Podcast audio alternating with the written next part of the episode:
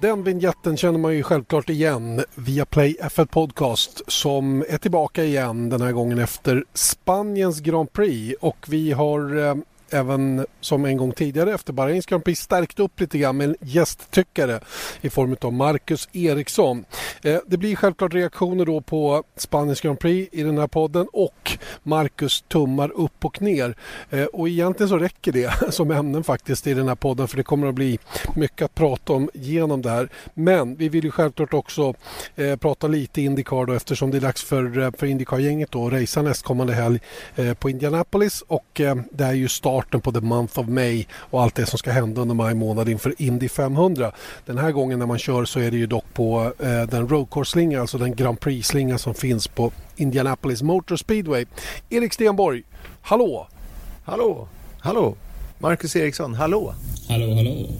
Eh, eller hello, hello. From America.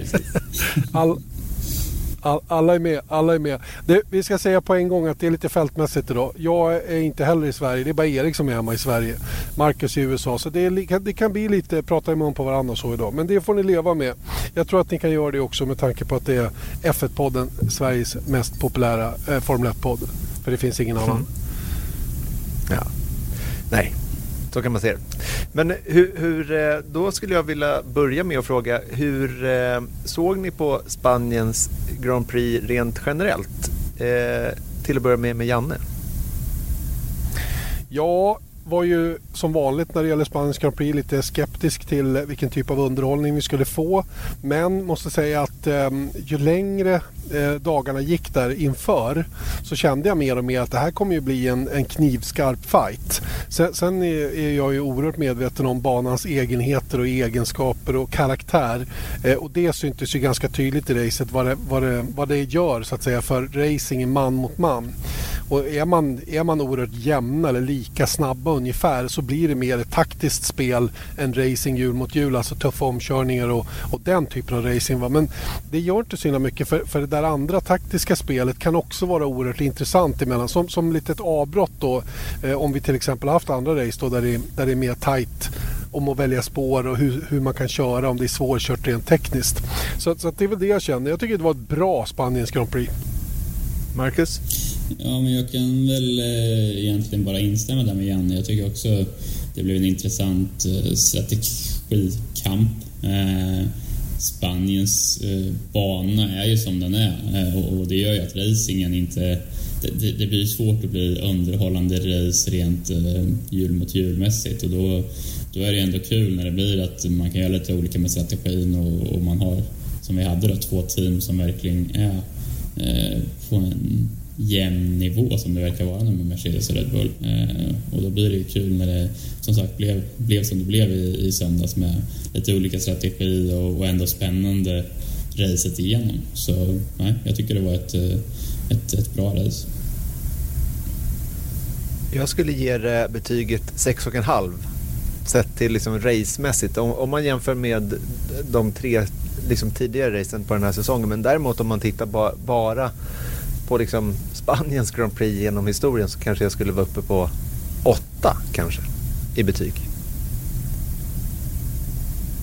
Ja, alltså jag, jag skulle väl säga att ja. Eh, ja, en sex eller sjua i, i, som du säger, överlag race. Men eh, jag tror det är svårt att få så mycket mer än, än det på ett Barcelona-race. Det är väl om det skulle börja regna eller något sånt, vilket det inte kanske gör så ofta i Barcelona. Så nej, eh, fullt eh, fullt godkänd söndagsunderhållning tyckte jag i alla fall. Och sen är det ju fortfarande väldigt, väldigt kul tycker jag att Merca och Red Bull är så pass jämna. Nu ska vi prata mer om varför det blev som det blev och, och, och att de har olika styrkor på olika sätt. Men, men, eh, det är ju också sånt som piggar upp. Det hade ju kunnat vara en tuff fight mellan två bilar från samma team men det blir sällan. Det, det, det brukar oftast eh, vara så att den som kommer iväg först den har prioritet i depån bla bla bla. Det blir aldrig någon kamp när det är två bilar från samma team. Men när det är som Red Bull och Mercedes Verstappen mot Hamilton i det här fallet så blir det mycket, mycket tydligare hur de måste verkligen gräva djupt i fickorna för att hitta rätt taktisk disposition för att den ena ska slå den andra. Så att, nej, det, det, det, det piggar upp. Men, men du Marcus, vad, vad, är det som gör den här banan nu då så så sjukt svår att köra om på? Vad är, vad är det för egenskaper den har som inte passar själva racingen så att säga, tävlingsmomentet? Ja. Och, och hur, hur, känns det i bilen liksom, när man sitter i den? Alltså, det, det, så ur förarperspektiv, vad är det som gör liksom, att okej, okay, jag är snabbare än bilen framför men vad är det som gör att du inte kan liksom, komma om? Ja, men först och främst så är det ju rätt så många eh, medium till snabba kurvor som vi vet är svåra att följa i en Formel 1, modern Formel 1-bil med all downforce som man då tappar när du ligger nära någon.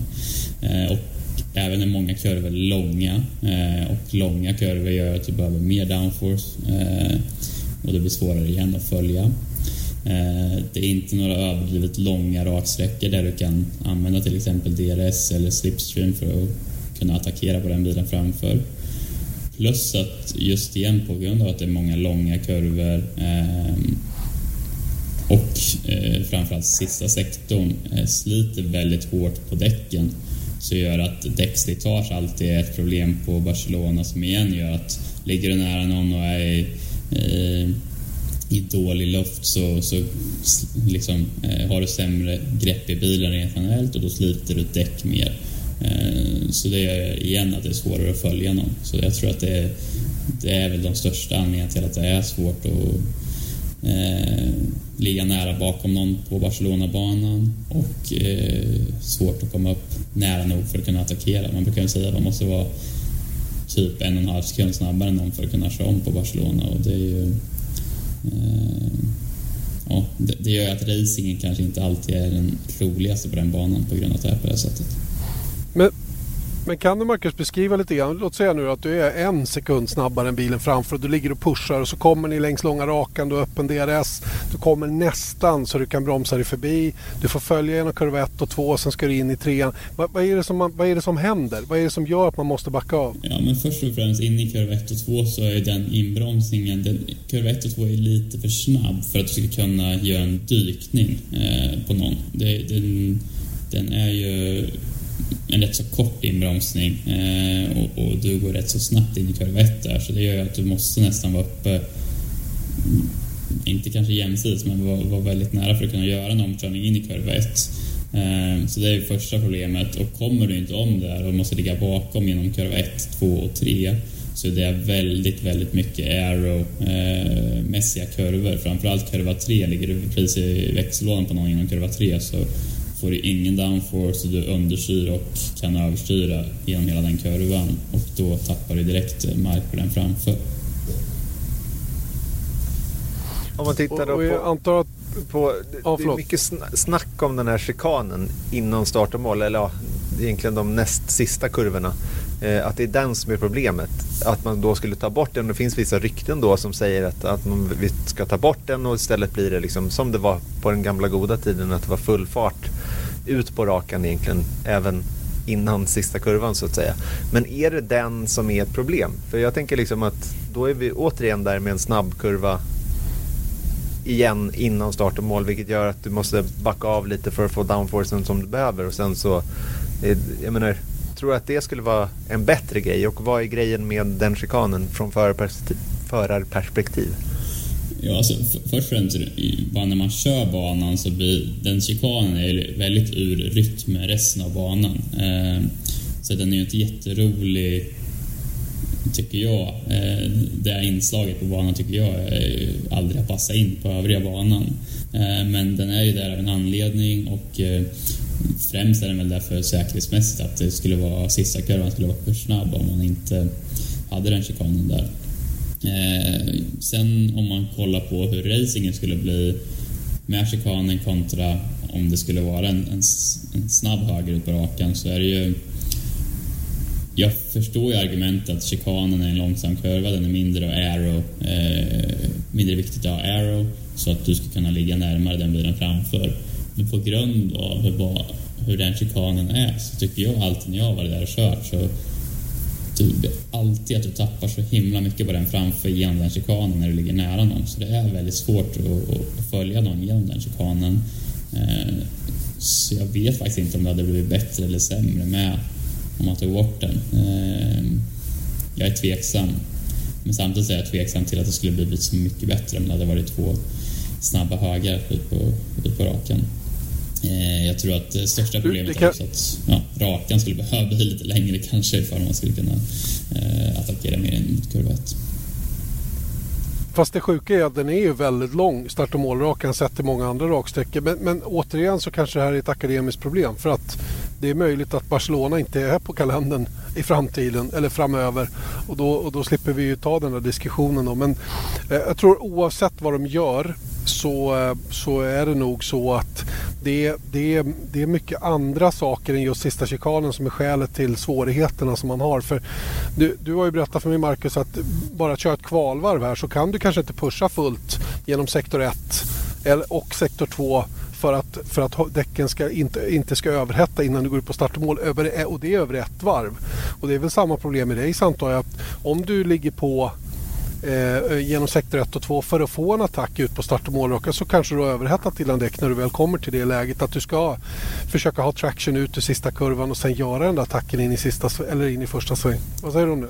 Jo, men, är det något som stämmer? Jo men det stämmer. Det som, som du säger, det har ju vi pratat om eh, många gånger innan också att den banan är ju lurig i och med att till och med på ett kvalvarv så vet jag att genom åren, det beror på lite hur däcken är och vilka däck man har, det är de mjukaste blandningarna men jag vet vissa år så har det varit att man har fått titta upp en tiondel eller två första sektorn för att se till att man har eh, däck som är fräscha nog för sista sektorn för att avsluta varvet. Så eh, den är extremt hård på däcken eh, och, och det som du säger, jag tror att det är förmodligen den största anledningen till att det är svårt eh, att bli bra racing.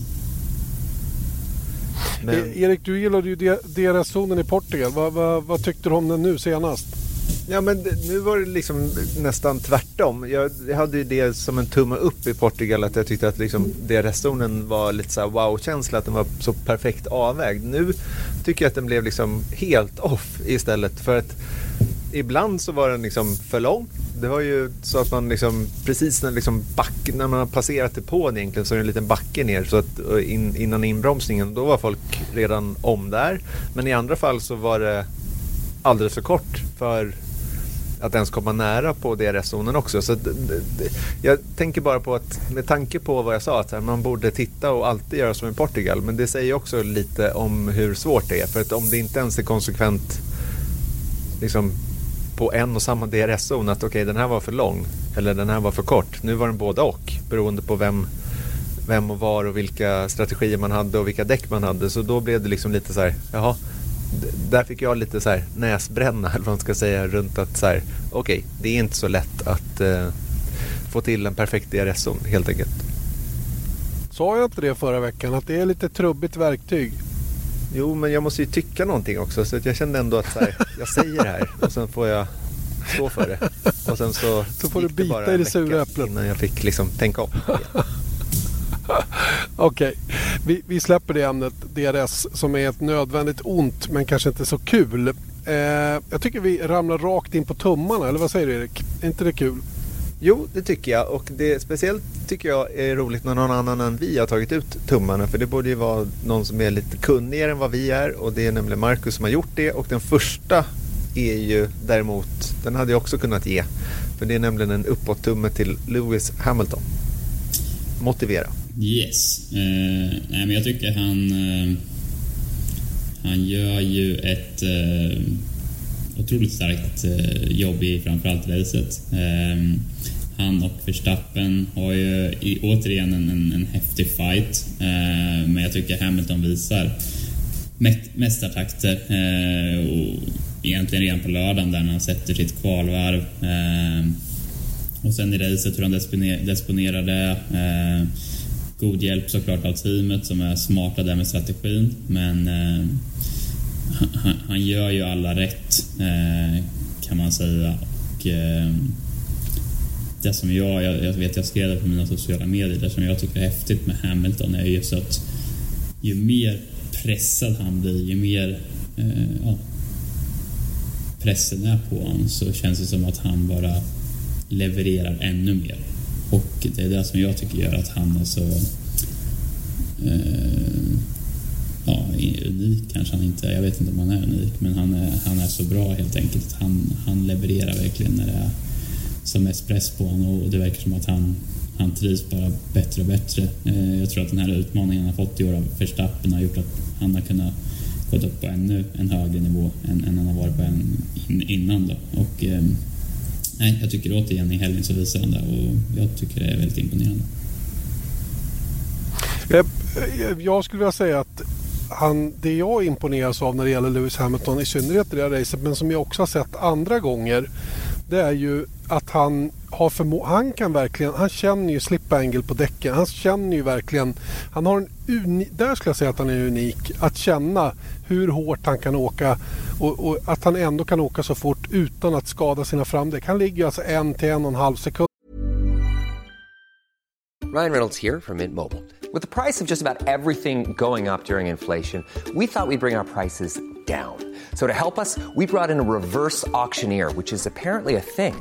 Mint Mobile unlimited premium wireless. Ready to get 30, 30, bit to get 30, bit to get 20, 20, 20, bit to get 20, 20, bit to get 15, 15, 15, 15 just 15 bucks a month. So, Give it a try at mintmobile.com/switch. slash $45 up front for 3 months plus taxes and fees. Promo rate for new customers for limited time. Unlimited more than 40 gigabytes per month slows. Full terms at mintmobile.com.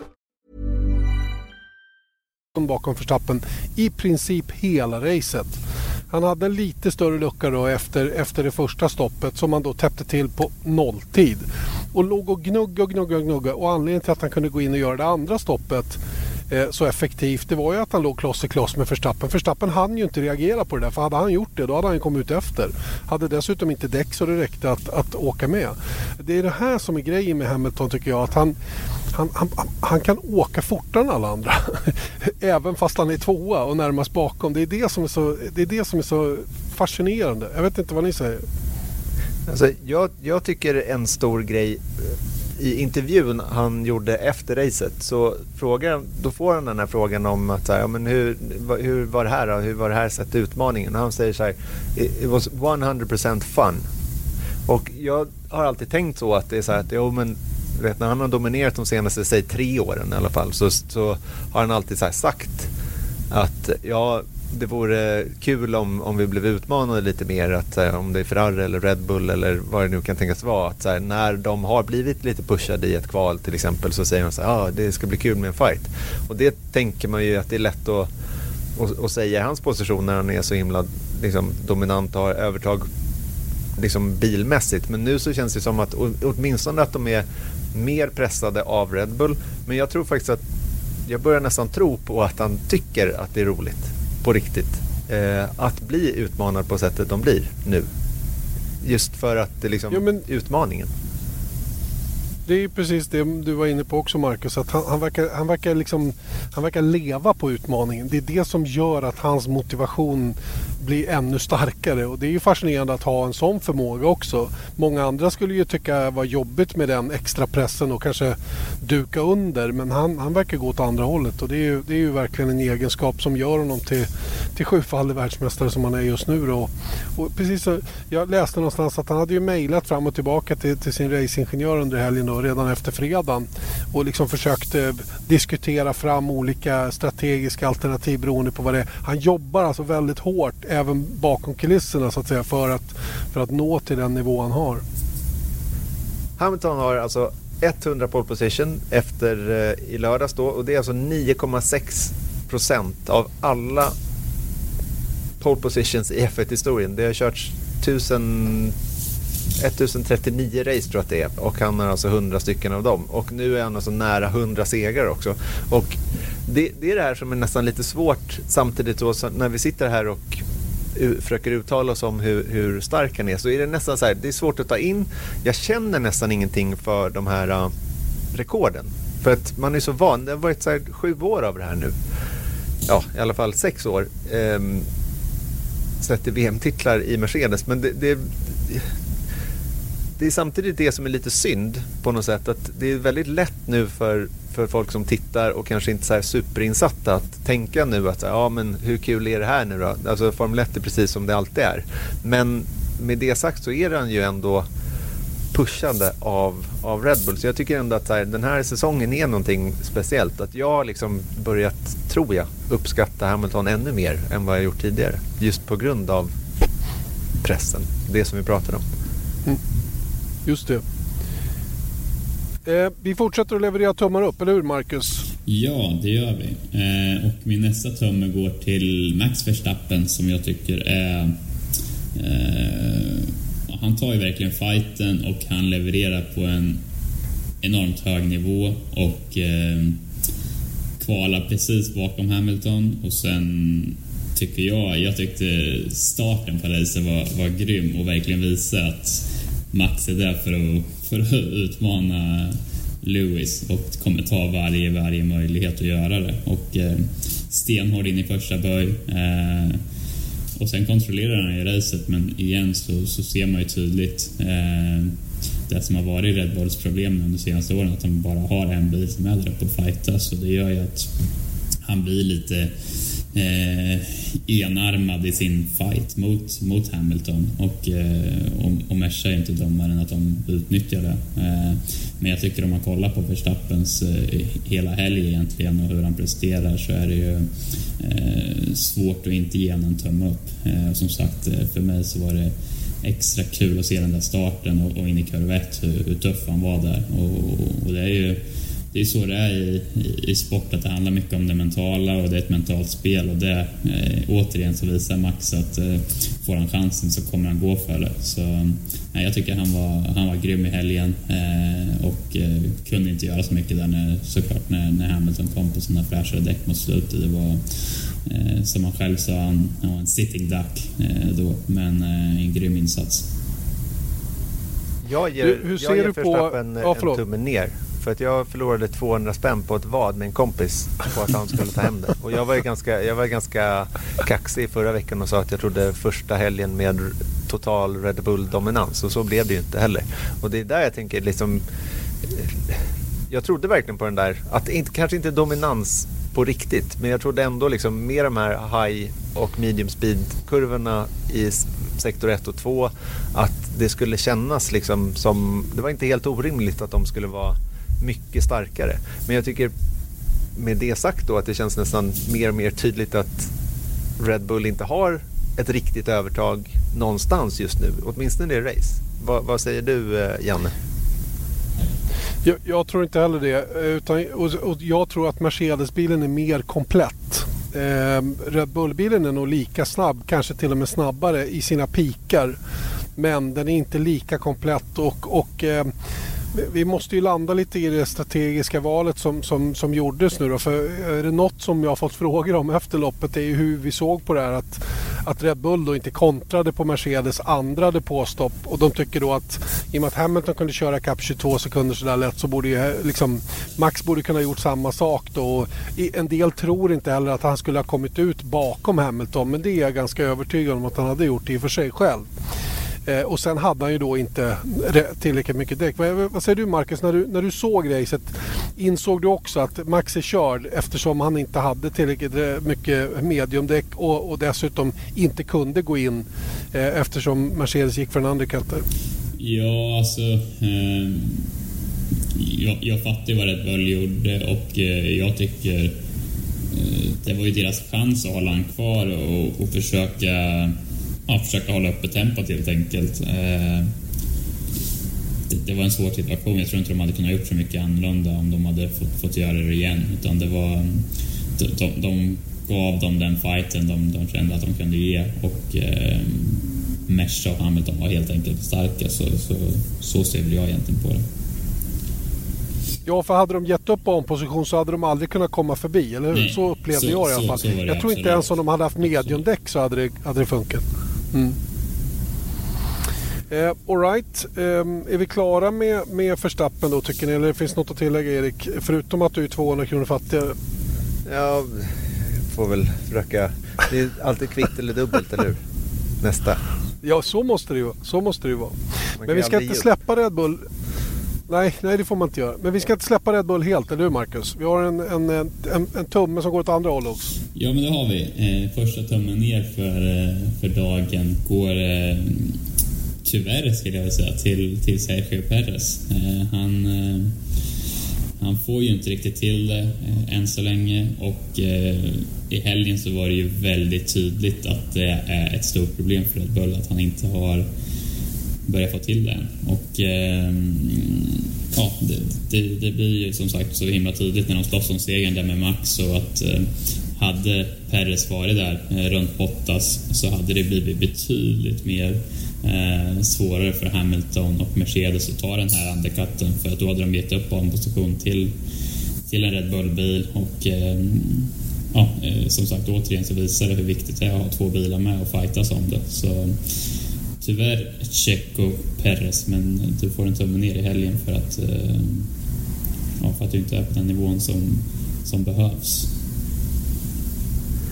Han har ju, alltså Perez har ju inte faktiskt då lyckats hittills. Det har gått fyra race förvisso. Man kan väl alltid argumentera att eh, man behöver lite mer tid. Eh, men jag tänker liksom Gasly fick ju väldigt mycket kritik. Albon fick väldigt mycket kritik för att de just inte nådde upp till Verstappen då. Men, och, och, nu ser vi exakt samma, jag menar han har inte lyckats ett dugg bättre än de två hittills i Red Bull. Och då kan man ju faktiskt fråga sig att här, vad är det här om? Vad är det som gör att det är så sjukt svårt att köra den där äh, Red Bull-bilen om man inte heter Max Verstappen? Jag fattar inte. Eh, men jag tror att det är som så att eh, från det jag lyckas se när jag kollar på ombordbilder från Red Bull-bilen när man ser eh, hur bilen ser ut på banan från, från tv-bilderna så ser det ut att vara en bil som är väldigt, väldigt direkt eh, i framänden. Den ser ut att ha en väldigt stark eh, eh, starkt framgrepp, vilket såklart är snabbt. Men den ser ut att vara oberäknelig i bakändan och eh, det har vi sett med, med, både Gasly och Albon att de har snurrade mycket och åkt av och så vidare. Eh, och jag tycker man lyckas, kan se det med, med Perez också, att han har problem med det. Och eh, på något sätt så, så, kan Max hantera bilen när den är inställd på det sättet medan de andra har, har, inte lyckats med det. Och eh, återigen så tycker det är rätt så tydligt att Perez har, har väldigt liknande problem som de föregående två eh, har haft i den där bilen.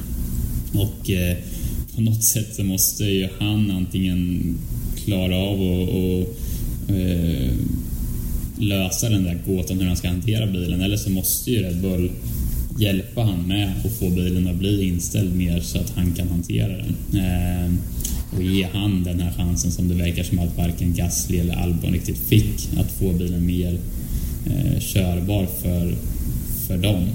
Eh, men jag tycker det är tydligt han, att han är pressad. Jag menar misstaget han gör i kvalet också där han använder för mycket bana i en ingång till, till en kurva och snurrar av visar ju också, det är en grej som jag tror Perez han gör ju aldrig sådana misstag men nu gör han det och det tycker jag visar att han, han försöker verkligen allt nu för att ta det här steget och vara på en högre nivå men ja.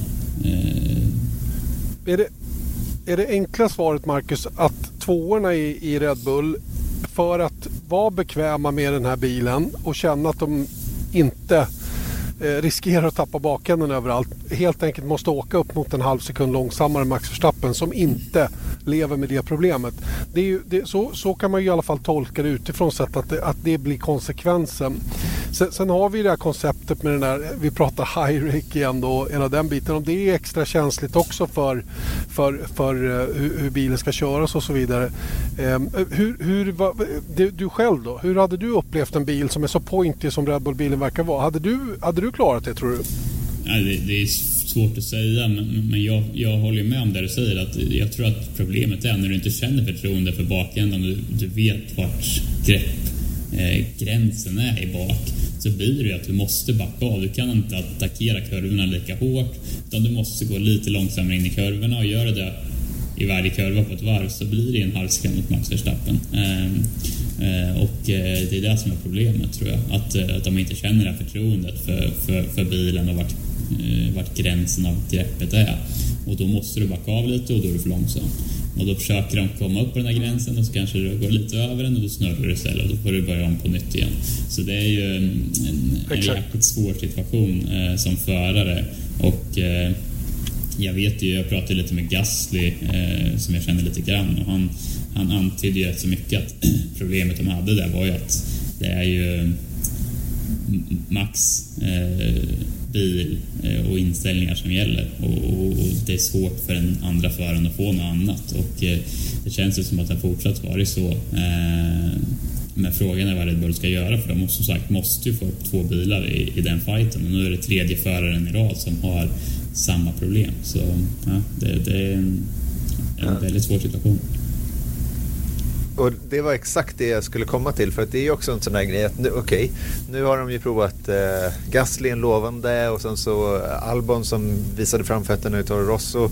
Eh, och jag menar om man tittar på Gasly så har han bevisat sig återigen i Alfa Tauri ganska mycket. Vilket betyder att han inte, han är ingen kastförare men det, det är nästan en sån där pest eller kolera situation för Red Bull känner jag att så här, okay, vi har en förare som klarar av det här så det är beviset för att vår bil är snabb i händerna på Max Verstappen. Men om man ska vinna VM så är det ju uppenbart att det är otroligt svårt att vinna VM med bara en bil. Så var ska man gå? Ska man då tillgodose Perez mer så att säga? Men då kanske, vad händer då med Max Verstappen? Om han måste liksom Alltså jag, jag, förstår att det är förenklad grej för det är väl inte så det går till att så här, okay, men nu ställer vi in båda bilarna som, som Peres behöver. Men på något sätt så är det ju deras koncept som funkar för ytterst få förare i alla fall. Och då, det, det känns som att så här, VM-fighten är ju nu. Man kan ju inte liksom eh, hålla på och vänta hur länge som helst på att ge Peres tid och, och inte heller att liksom låta honom bara säga du får lösa problemet. Det, det kanske det gör om, om två år men då är det ju för sent. De måste ju liksom komma fram till någonting nu. Nu. Får jag, får jag ge en liten eh, en teori om hur jag tror att det är? Eh, jag tror att det där tåget har gått för länge sedan. Att göra, någon, att göra den förändringen så att, så att det blir totalt sett eh, bekvämare för alla. Jag tror att eh, bilen är byggd på det sättet den är byggd. Det är koncept som Red Bull har valt och det har, det har Max Verstappen till 100% omfamnat och klarar av.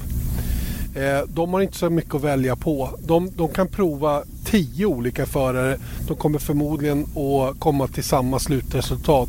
Men att ändra bilkoncept, det är ju en fem sex års plan. Och det, det, är liksom inte görbart i det här läget utan nu får de försöka rida ut det här bara tills dess att det blir en helt ny bil nästa år. Och förhoppningsvis då ha en lite annan karaktär på det som kan passa fler än bara en förare. Det är på något sätt där felet har begåtts eh, från början. Och han är ju extrem Adrian Newey när det gäller saker och ting. Sen är det inte heller säkert att det de här gubbarna behöver nu då som, som inte heter Max Verstappen att det finns utrymme i, på, i bilkonceptet ens att göra inställningar så att, så att bilen går att köra lika fort eller nästan lika fort som Verstappen. Men, men med helt andra inställningar utan den där bilen är snabb när den är ställd så som Verstappen vill ha den. Annars är den en halv sekund efter i alla fall. Så det kvittar vad du gör. Förstår ni? Det blir liksom det blir moment 22. Jag vet inte vad, vad Marcus säger om, om den teorin så att säga. Vad tror du? Jo, men jag, ty- jag tror att det absolut ligger någonting i det. Eh, jag tror, så, så, så, som jag ser det så är ju det som Red Bull måste göra nu, det, det, det är ju att supporta Perre så få han att försöka alltså ge han chansen och, och, och Perres måste vara jäkligt stark i sig själv och bara fortsätta jobba på och kanske acceptera att nej, men jag kommer inte vara lika snabb som Max, men jag kan vara kanske tre tiondelar efter Max i snitt. Och det skulle räcka för att vara på den nivån han måste vara. Och sen är han ju som vi har sett i förut är ju Perez otroligt stark i race och har en väldigt bra förmåga i race. Så kan han försöka, det känns som att han har försökt han har gått in i den här Red Bull-utmaningen med att han ska vara på Max Verstappens nivå. Han kanske måste ta ett litet steg tillbaks och försöka sikta på att vara lite efter Max. Men veta att han kan utmana i racen istället. Eh, och det är kanske är det som är nyckeln. Eh, något sånt, för att det går inte för Red Bull igen att byta ut. Jag menar, de har inga att byta ut Perez med, utan det är ju liksom... De måste bara försöka få han att komma upp i nivå.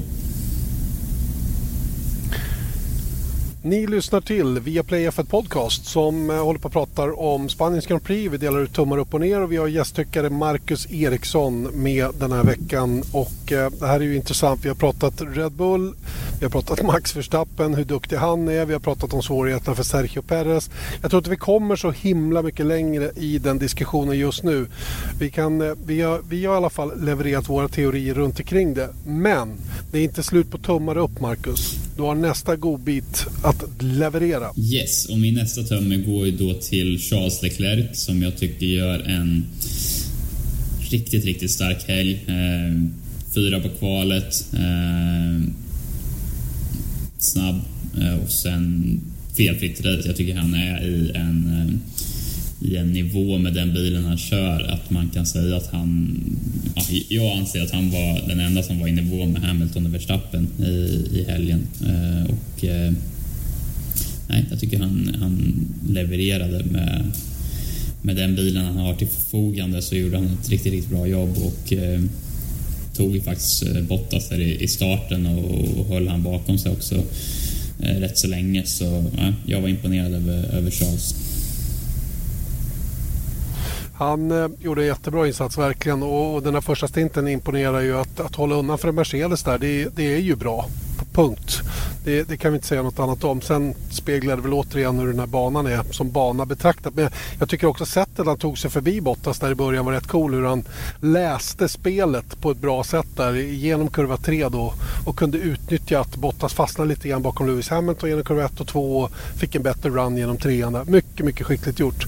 Ehm, och eh, jag menar kvalprestationerna, eh, kvalar fyra, eh, tre av fyra gånger nu. Det, det är imponerande verkligen i en Ferrari som uppenbarligen inte riktigt räcker till. Vad säger du Erik?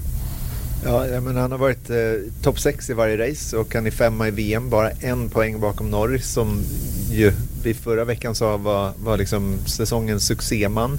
Eh, och jag tycker det i sig är spännande med en fight mellan Ferrari och McLaren. Att det, om det kan bli liksom en hård fight om tredje plats. okej okay, det är inte om VM-titeln men eh, det piggar upp också om man har en fight om VM-titeln och en fight om eh, tredjeplatsen i VM måste man ju säga. Mm. Alright, det om Charles Leclerc. Mycket bra där alltså. Ehm, och jag förstår att det, det, det, var många, eller säg så här, det var många bra prestationer under racet. Men, men eh, det finns ytterligare en du vill ge en tumme upp, Marcus, eller hur? Ja, om vi kör en till tumme upp då. Och den tummen går till eh, den gode Daniel Ricciardo, Ricciardo kanske man säger. Eh, som jag tycker har eh, han, han, har ju haft en lite tuff inledning här ändå på, på McLaren-tiden, eh, haft problem att hänga med Lando Norris. Men i helgen tycker jag att han eh, levererade från, från start till mål egentligen. Eh, bra kval, eh, kvalade ut Lando och sen eh, kör han ett riktigt, riktigt starkt race och eh, eh tar en stabil sjätteplats och eh, ja, före Lando igen då. Och det tror jag var viktigt mentalt för honom också att slå Lando i, i, i både kvalet och racet i helgen. Och eh, på det sättet han gjorde det så tycker jag att han är väl värd den här tummen upp. Mm. Eh, McLaren som valde att eh, hålla fast vid en ny framving och nytt golv som inte riktigt kanske harmoniserar med resten av bilen just nu men som är en, en del i ett, en större uppdatering då som de har på gång framöver och det är väl det som har gjort att de kanske har tappat form lite grann eh, senaste tiden då men, men jag håller med om att, att Ricardo gjorde ett otroligt bra race. Eh, det var ju bara på vippen att han, eh, att han hade klarat eh, även Sergio Perez där som, som lyckades runda honom på yttern och in i kurva 1 mot slutet av racet. Va? Men, men eh, överlag eh, en otroligt stark insats. Eh, sen har vi en rolig tumme ner, nej, nej, Marcus. Nej, nej, nej, nej, ja, förlåt. Ja, ja, ja, förlåt, förlåt. Fram. Erik är kvar. Lugna ner dig. Ja. Jag vet, jag vet att du vill ut på stranden och, och chilla lite. Men vi är inte klara. För jag tänker så här. Marcus, du, du känner ju Daniel Ricciardo bra. Eh, hur, han har ju, vet, det har man ju sagt ett otal gånger om att han är den här happy-go-lucky killen och allting sånt där. Men hur, hur, seriös upplever du honom som, som person och liksom yrkesman som racingförare? Ja, men jag tror att där måste man eh, separera hur han är utanför banan och hur han är eh, på banan. Jag menar, han har ju en, en, en, lite speciell personlighet som är, som du säger, liksom alltid den glada killen och lite, eh, inte clown, liksom att han, han gillar att skämta till det och allt det där. Men, men det är ingen tvekan om att han jobbar stenhårt och att han är en otrolig tävlingsmänniska och det har han ju visat eh, genom åren. Och, eh, ja, jag tror att han har ju inte varit glad att vara bakom Lando här första racen i, i år då, och eh, jobbar garanterat stenhårt för att, eh, för att ändra på det. Och, jag tycker det är imponerande att se att han eh, redan nu är på den nivån och liksom slår Lando genom hela helgen. Så han, eh, nej, han är vass. Men, men och han har gjort en sak bra. Eh, förlåt Janne, men jag tänker så här för jag har ju sett dig när det inte gått så bra till exempel och hur tjurig du kan bli. Alltså det är nästan så här, jag tänker med många liksom proffsidrottare överlag blir nästan lite så här psykotiska. Är, eh, och, och, jag räknar in dig där faktiskt Marcus också, när man har sett eh, på andra sidan så att säga. Men är, är Ricardo likadan? Alltså på det viset? Eh, det vet jag inte, men, men det känns ju liksom... Jag vet inte hur han är liksom bakom stängda dörrar i, i, i tävlingssituationer, men, men han, är ju, han är ju bra på att hålla skenet uppe alltid. Sen kan det ju vara så att han är, är så, men sen kan han vara stenhård när han kommer in till ingenjörsmötet eller racemötet efter och, och man ska analysera och så vidare. Det, det, det, det, vet jag inte, jag har inte jobbat så nära med han. Eh, men eh, det gäller ju att ha en balans där i hur man eh, hur man tar motgångar och, och så vidare. Men eh, så, så, det, så det är tillbaka till din fråga. Jag, jag vet faktiskt inte riktigt. Men, vad, jag skulle säga, vad, vad, jag skulle säga var att det är en sak som imponerar också med Daniel Ricciardo. Det är en lite, lite tyngre start då ihop med McLaren. Men här har vi en som inte har försökt göra mer med bilen än vad han är kapabel till.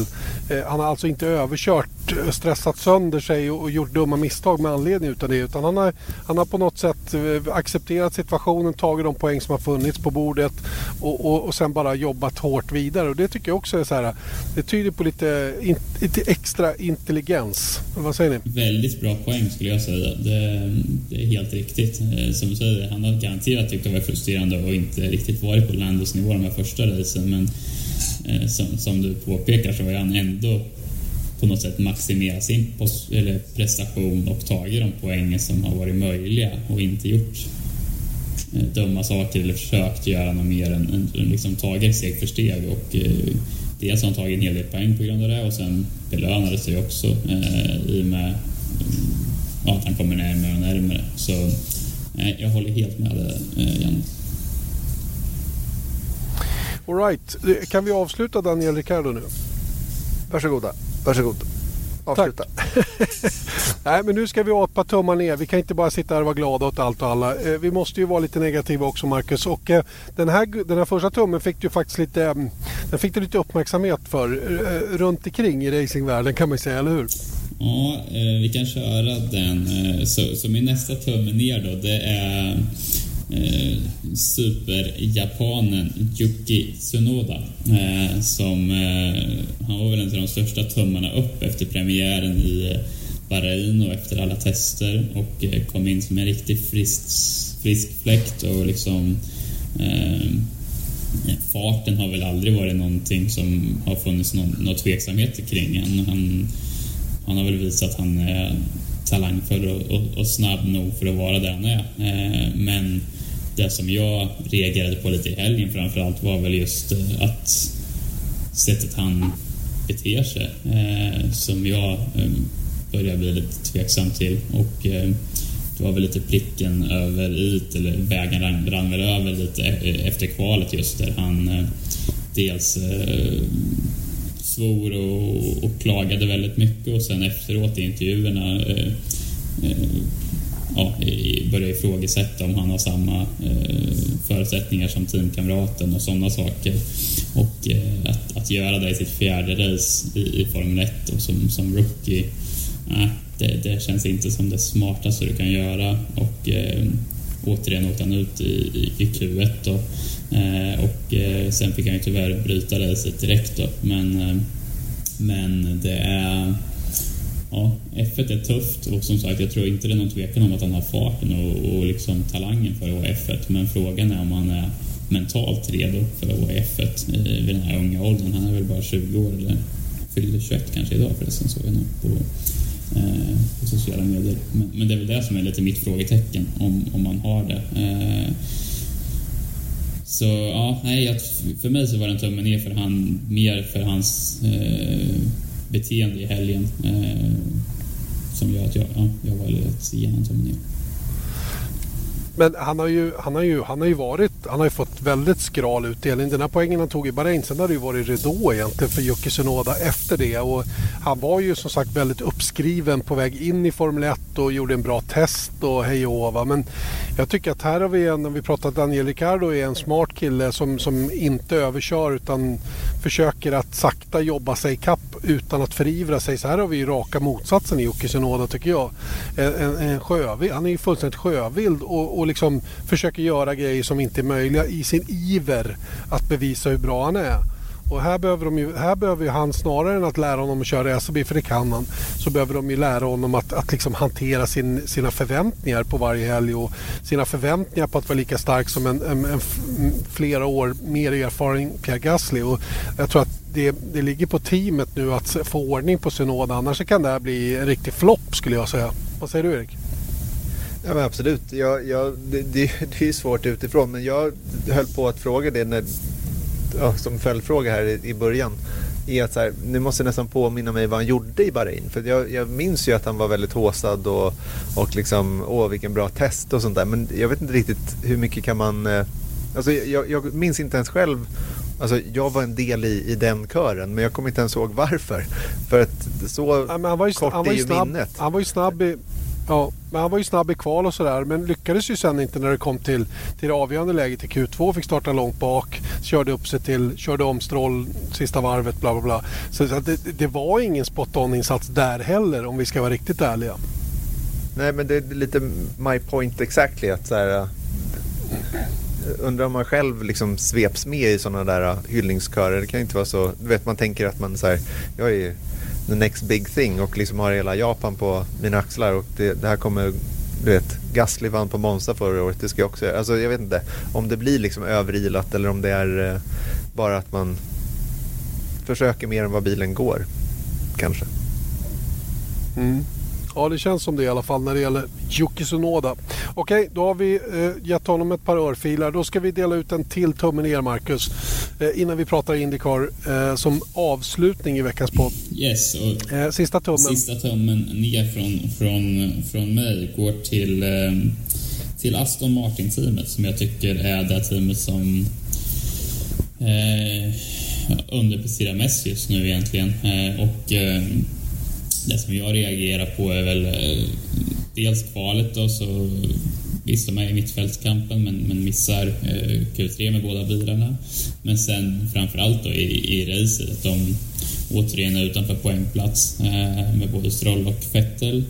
Och eh, det har ju varit mycket eh, bortförklaringar skulle jag vilja kalla det från, från deras sida i och med att eh, de, de har, det känns som när man lyssnar på dem så har de skyllt mycket på att det har varit det här med att eh, nya golvet, reglerna med det har förstört jättemycket för dem och det har liksom förstört för low rate-konceptet och så vidare. Men det argumentet har ju försvagas för varje helg som går när man ser vad Mercedes kan göra med ett sånt koncept. Så, så för mig i alla fall så håller inte det eh, argumentet eh, längre utan de, de presterar inte på den nivån som de borde göra. Eh, framförallt med den eh, ekonomin som de nu har eh, inom teamet. Så nej, jag tycker att de, de får, får min sista tumme ner på grund av det. Jag tycker, ja, men jag tycker ni sa någonting eh, intressant i kommenteringen under helgen. Jag kommer inte ihåg vem det var som uttryckte det. Men att, att eh, det är klart att om man kopierar, alltså det var ju det som var grejen runt, eh, runt ja, Racing Point som de hette i, i fjol då. Att de hade kopierat Mercedes-bilen från 2019 och så vidare då. Och sen så kommer då en, en ganska liksom oväntat stor regelförändring till 2021. Och då kanske liksom problemen började bli för stora för dem. För det skulle, de skulle bara köra förra året med den här kopierade bilen. Sen skulle man gå över till 2021-reglementet då som sköts upp till 2022. Och helt plötsligt så är de i en position där de måste liksom utveckla en bil då som de kanske inte riktigt... Det här är ju i, i teorin då såklart. Men att då måste de utveckla en bil som de kanske inte riktigt förstår sig på i grunden utöver det att de har kopierat den. För de har inte utvecklat den själva så att säga. Och därav kanske jag tycker det, i alla fall att det var en intressant tankenöt att eh, ha med sig runt Aston Martin i år för att just att de underpresterar även då sett till vad Mercedes lyckas göra med samma koncept. Vad, vad tänker du, mm. Marcus? Nej, men det kan ligga någonting i det, absolut. Eh, det makes sense om man säger så, när du säger det. Så det kan absolut vara någonting som, som ligger i det. Och sen tror jag också det här faktumet att, eh, att Perez har lämnat teamet också var det liksom ett, ett slag neråt. Perez var ju oftast på en nivå över Stroll, eh, var lite snabbare, var starkare i racen och så vidare. Eh, vad hade han kunnat gjort i den bilen om han hade varit kvar? Om, om, om de inte hade inom parentes sparkat han och ersatt med, med, med Fetter. Eh, Fetter som har haft problem eh, i början på året. Han har väl jag tycker nu i helgen var han väl starkare. Eh, kanske han börjar liksom komma upp i farten men han har ju fortfarande inte varit på samma nivå som Stroll. Och, eh, ja, det, det, ska bli intressant att följa men, men för mig har de absolut varit en av de största besvikelserna i, i början på årets säsong. Alright, då är vi faktiskt klara med våra tummar upp och ner då efter Spaniens Grand Prix då som eh, vi har gett ett eh, hyfsat högt betyg eh, jämfört med alla andra då, en 6,5 av Erik Stenborg. Eh, sett till alla Spaniens Grand Prix som vi i alla fall kan minnas, kanske upp mot en 8, 8,5. Så att eh, vi, får nog, eh, vi får nog känna att det här var rätt så bra. Och vem vet, det här kan ha varit sista Spaniens Grand Prix på ett tag. Det är mycket som talar för att de inte finns kvar på kalendern nästa år. Miami Grand Prix aspirerar funderar ju på att ta den här, spot, eller den här eh, platsen då i kalendern då under det andra kvartalet. Eh, det får vi dock återkomma till. Men när vi nu pratar Miami och USA så, så måste vi landa lite i USA då Marcus. Du sitter hemma i Indianapolis nu och ska köra runt hörnet. Jag vet inte hur nära det är från Carmel till, till Indianapolis Motor Speedway men så himla långt kan det inte vara och nu är det faktiskt dags att köra på IMS kommande helg. Ska vi börja med känslan du har efter de fyra första racen? Ja, men det kan vi göra. Eh, det har väl varit en, det har varit en intensiv start för oss på året. Vi har haft fyra race på, på tre veckor. Ehm, och eh, man kan väl säga så här att eh, min känsla är väl att det är en del frustration i och med att resultaten inte har varit riktigt på den nivå som jag tycker vår prestation har varit, eller min prestation har varit. Eh, jag känner att jag själv har tagit steg till, tills i år. Jag har tagit steg från, från i fjol och från mitt första år och, och är på en högre nivå, levererar på en högre nivå. Och eh, tyvärr har jag väl inte riktigt fått betalt för, för de stegen tycker jag, de här första racen. Det har varit något som har krånglat egentligen varje helg som har eh, gjort att resultaten inte har varit där. Så det är väl en, en, en blandning där mellan frustration och eh, men även någon slags eh, positivitet i att eh, det känns som att jag verkligen är med i matchen. Så det, det är väl där någonstans jag landar. Eh, eh men... Om vi tittar... Ja, förlåt. Ja. Kör du Kör, Jan. Kör, nej, varsågod. Nu är vi som Lando Norris på över teamradion. Men varsågod, Janne det, det, det, man kan notera då är ju då att, att du har börjat få ordning på bilen, du börjar få ordning på körningen. Eh, till och med kvalen börjar se bättre ut. Vi har inte riktigt fått det bekräftat ännu men vi hoppas att det är så i alla fall att det är en bra trend. Eh, samtidigt så har resultaten inte riktigt kommit då för att eh, det krånglar faktiskt kort och gott i, i depån.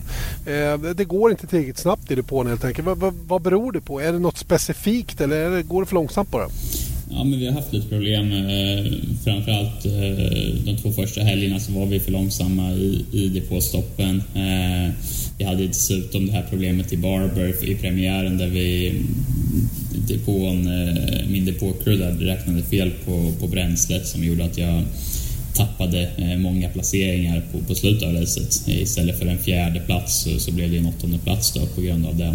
Eh, men sen som sagt, både i Barber och St. Pete så hade vi problem med att depåstoppen var för långsamma. Eh, tills eh, till Texas så gjordes det vissa ändringar där och då var ju faktiskt depåstoppen i på en, en, en, bättre nivå. Vi, vi hade bättre fart i depåstoppen men tyvärr så blev det ju det här misstaget på, på sista stoppet i race 1 där det ena hjulet inte blev fastsatt ordentligt och jag blev ivägskickad och tappade hjulet och tappade ett topp 6-resultat och eh, det blev extra dyrbart i och med att det var dubbelrace och eh, man skulle starta där man låg i mästerskapet. Och jag, jag kollade på det efteråt, hade jag kommit i mål där på topp 6 hade jag väl startat tre eller fyra eh, dagen efter. Då. Så, så, så det, det blev ju väldigt, väldigt dyrbart och eh, det är klart att det är frustrerande att vi har haft de här problemen eh, här i början på året, framförallt eftersom vi hade en del problem här under, under fjolåret också. Då. Så nej, eh, inte optimalt och det, och det håller ju inte riktigt på eh, om man ska vara med i toppen på det här mästerskapet, att ha de här problemen som vi har haft. För att det är ju så otroligt hård konkurrens i Indycar just nu och eh, för att kunna vara med och vinna och stå på pallen så måste man ha, ha, ha med alla de här bitarna. Men de här problemen i depån då, vad, vad beror de på? Är det bara att det är, liksom, det är lite långsamt eller? Ja, men alltså, man kan säga så här, depåstoppen i Indycar är ju svårare. Det är ju mindre folk än i till exempel ett F1 depåstopp, så, så det blir ju eh, mer press på de som är eh, där ute. Och eh, för min del så har vi ju helt, helt enkelt inte varit tillräckligt snabba där. Och eh, eh det är det som har varit största problemet. Eh, nu vet jag att det jobbas på det och att det har gjorts en del ändringar som sagt. Och eh, Texas var bättre förutom det problemet vi hade på ett av stoppen och eh, förhoppningsvis så kan vi fortsätta den trenden nu när vi går in i Mount May och eh, se till att vi är på, på samma nivå som de bästa i, i depågatan för det, det måste vi vara ifall vi ska kunna utmana om, om segrar och pallplatser som är vår målsättning. Du, eh, din bil fanns ju inte innan fjolåret. Eh, det blir fler och fler team eller bilar i Indycar rent generellt. Det, det, växer så det knakar på alla sätt och vis. Chip Ganassi har tagit in en fjärde bil. De kör dessutom i, i IMSA med en sportvagn. Eh, finns det för lite folk med rätt kompetens att tillgå när det gäller depåpersonal? Är det svårt helt enkelt för teamen att hitta rätt nivå på, på det, som, det som krävs helt enkelt för att göra ett bra jobb, ett tillräckligt bra jobb i Indycar. Ja, men jag tror att det ligger lite i det. Att det är, som sagt, det är rätt så svårt för, för teamen att hitta de här rätta gubbarna som klarar av att göra. Eh, dels ska de ju vara duktiga mekaniker men även vara duktiga på just att eh, göra depåstopp och eh, ja, vara liksom vältränade och tävlingsmänniskor som, som klarar av att nöta varje dag, varje vecka och varje racehelg och vara bäst i depågatan. Jag tror att det är, det är en utmaning, absolut. Och som du säger, det blir fler och fler bilar i Indycar och, och fler team, så då blir det eh, svårare att hitta eh, rätt folk där, tror jag. Mm. Ni bor ju alla i Indi Indianapolis också. kanske inte finns mekaniker som räcker där. Jag vet inte. Eh, vad, vad, säger du till, vad säger du till alla dem då som menar att eh, du hålls tillbaka för att bara Scott Dixon ska få vinna? Ja, men så, så är det såklart inte, utan teamet vill ju att, eh, att vi alla ska lyckas. Eh, sen är det såklart så att, eh, att Scott med 20 år i teamet och sex mästerskapstitlar eh, har en otroligt stark position inom teamet. Det är väl ingen tvekan om det. Eh, men, men jag upplever ju inte att teamet inte vill att jag ska lyckas, så är det absolut inte. Utan, eh, vårt mål som team är alltid att vara etta, tvåa, trea eh, på, på, på racen och det, det är det vi kommer fortsätta att sikta på. Inte fyra också då? Ja, ah, just det. Jo, etta, tvåa, trea, fyra. Sorry, sorry. exakt, exakt. Det, den, den, fjärde, den fjärde är dock lite svårare, ja det är Men jag är också ärlig. Ja, men, men den bilen Han är, är ju den bilen Han är, är en utvecklingsbil än så länge. Ehm, så, så är det Ja, ja, vi släpper Jimmy Johnson för han är inget bra, kort och gott. eh, Erik? Jo, i det här uh, racet som kommer till helgen, uh, första då på Indy Road Course, det som heter GMR Grand Prix, då slutade du sexa i fjol. Vad har du för, och Scott Dixon vann för övrigt. Eh, hur, eh, hur är känslan att, eh, inför helgen helt enkelt? Nej, jag tycker det känns jättebra. Som sagt, jag, jag tycker jag har varit på en, eh, en högre nivå i år än, eh, än jag varit innan. Jag tycker jag varje gång vi är ute nu så är jag liksom med i fighten. Eh, och eh, det gör att jag går in i helgen med, med riktigt god känsla.